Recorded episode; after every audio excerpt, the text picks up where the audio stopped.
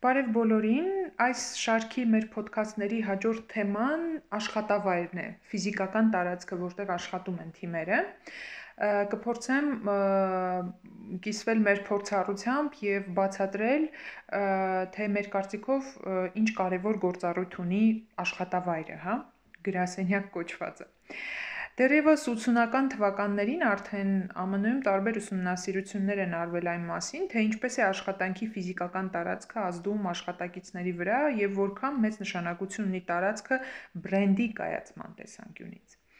Բանն այն է, որ այնպես չի, որ մեծ եւ փոքր թիմերի համար հնարավոր չէ աշխատել ֆիզիկապես տարբեր վայրերից, հա։ Հիմա այդ ֆրիլենսինգի ֆորմատը շատ տարածված է, որը ավելի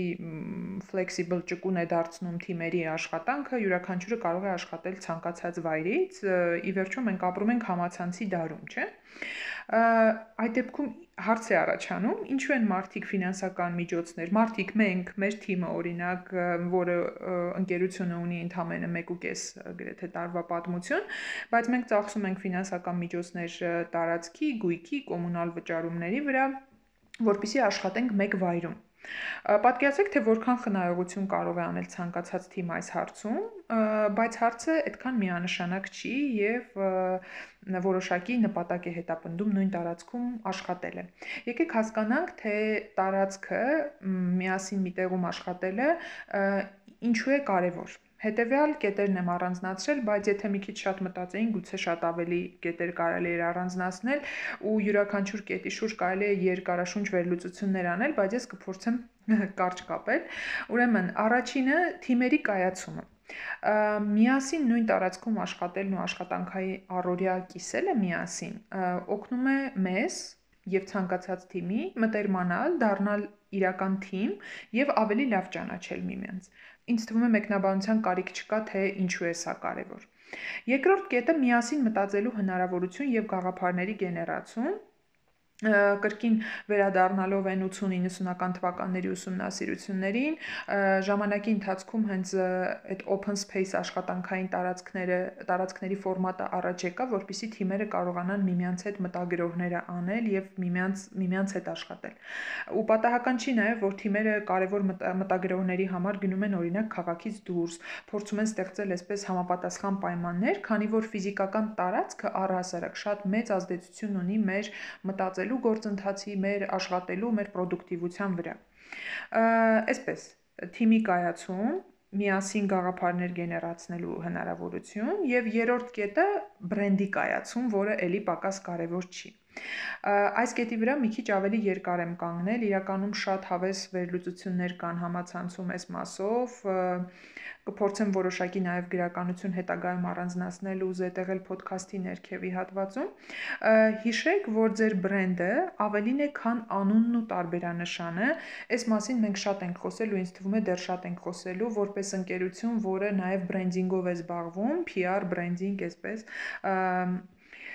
Ձեր բրենդը նախ եւ առաջ ձեր աշխատանքային ու թիմային մշակույթն է, որի մասին հաճախ մարդիկ մոռանում են։ Ձեր բրենդը այն մարդիկ են, ովքեր աշխատում են ձեր թիմում, ձեր ընկերությունում, եւ դա շատ-շատ ավելի կարեւոր է, քան ձեր տարբերանշանն ու կարգախոսը։ Եթե դուք նույնիսկ ունենաք աշխարհի լավագույն լոգոտիպը եւ կարգախոսը, եթե չունեք աշխատակիցներ կամ թիմ, ովքեր կտպավորեն մարդկանց իրանց պրոֆեսիոնալիզմով ու ամենակարևորը իրենց կորպորատիվ եւ բրենդային մտածելակերպով, կարող եք համարել, որ այն ամենը ինչ անում եք իզուր է եւ անիմաստ է բրենդի կայացման տեսանկյունից, եթե ուզում եք ուժեղ բրենդ լինել։ Այդ բրենդային մտածելակերպի թիմի կայացման գործում մեծ դեր է խաղում ֆիզիկական տարածքը, որտեղ կան նաև այսպես տարբեր բրենդային ատրիբուտներ, բրենդային մթնոլորտ, որոնք ամեն րոպե հիշեցնում են մեզ, թիմի անդամներին, որտեղ ենք մենք աշխատում, ինչի համար ենք հավաքվել ի վերջո։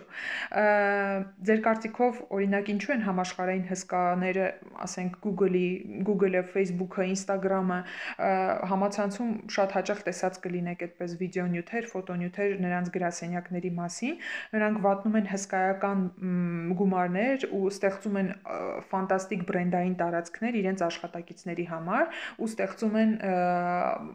աներևակայելի հարմարավետ պայմաններ իրենց աշխատակիցների համար։ Այսպիսով, եթե դուք սեփական բիզնեսով եք զբաղվում, առաջին իսկ հնարավորության դեպքում բարելավեք ձեր աշխատանքային պայմանները եւ երբեք մի խնայեք այդ ուղությամբ ներդրումները։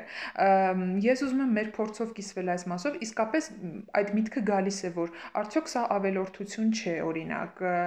բրենդային ինչ-որ թիթիզ բաներ անելը, բայց հավատացնում եմ ձեզ, որ պետք չի խնայել այդ ուղությամբ շատ կարևոր է ընդգծել աշխատանքային պայմանների հատվածը, քանի որ ամեն դեպքում պետք է հիշեք, որ աշխատավայրը նախ եւ առաջ աշխատակիցների համար է, թիմի համար է։ Ուրեմն վերադառնալով մեր փորձին այս հարցում, այսպես կարճ պատմեմ այս 1.5 տարվա մեր պատմությունը, մենք սկսել ենք միասին աշխատել տանը բնականաբար, այնուհետև 3 ամիս անց վարձակալել ենք շատ համեստ գրասենյակ, որը պաշտոնապես մեր առաջին գրասենյակն էր։ Խոսքը ընդամենը 4 պատերի մասին էր, որոնցից մեկը մենք ներկեցինք դեղին գույնով, մեր սեփական ձեռքերով, հիմա որ հետ ենք նայում, զարմանում ենք, թե ինչու ենք այդ ամեն ինչը նախաձեռնել, բայց մենք ուզում էինք, քանի որ շատ տխուր գրասենյակ էր, մենք ուզում էինք այդ գույնով ինչ որ գոնե ուրախություն ունենալ մեր աշխատանքային առօրյայում։ Հետո դա մի գրասենյակ էր, որտեղ որտեղ ամռանն անտանելի շոկ էր, քանի որ չկար նորմալ հովացման համակարգ, իսկ ձմռանը անտանելի ցուրտ, քանի որ չկար բնականաբար տաքացման համակարգ։ Այնտեղ մենք կարողացանք այդ պայմաններում աշխատել 7-8 ամիս, որից հետո հասկացանք, որ արդեն ըստ էության կարող ենք հնարավորություն ունենք ավելի լավ գրասենյակ վարձակալել եւ անցանք գործի 19 թվականի նոեմբերին ուղիղ 1 տարի անց փաստորեն մեր գործը սկսելուց հետո մենք տեղափոխվեցինք նոր գրասենյակ, որտեղ հիմա աշխատում ենք Այստեղ մենք ստեղծել ենք մեզ համար հարմարավետ պայմաններ, փորձել ենք ավելացնել ինչ-որ բրենդային կորպորատիվ ատրիբուտներ, որքանով որ դա թույլ է տալիս տարածքը։ Կրկին չափազանց շատ համեստ տարածք գրասենյակի մասին է խոսքը, բայց մենք ամենակարևորը այստեղ արդեն մեզ հարմարավետ ենք զգում, թիմի հարմարավետությունը ամենակարևորն է, եւ իհարկե բնականաբար ձգտում ենք ավելիին, եթե դրա անհրաժեշտությունը ինչ-որ պահի զգանք։ Այսպես ամփոփելով,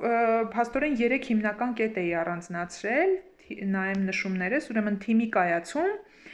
գաղափարներ գեներացնելու համար լավ պայմաններ եւ ամենակարևորը բրենդի կայացում որպես այդպեսի։ Եվ ամփոփելով ուղղակի ասեմ, որ փորձեք ձեր շուրջը ստեղծել կոկիկություն, մաքրություն, հարմարավետություն ու գեղեցկություն, ինչքանով որ դա հնարավոր է։ Շատ པարզ բան է հնչում, բայց հավատացնում եմ ձեզ, որ երբ որ այդ ամեն ինչը ամեն ինչին հասնեք, այդ ժամանակ կարգ ու կանոն ու հարմարավետություն կգա նաև բոլոր այն աշխատանքներում, որ դուք անում եք ու ծրագրերում, որոնք իրականացնում եք։ Առայժմ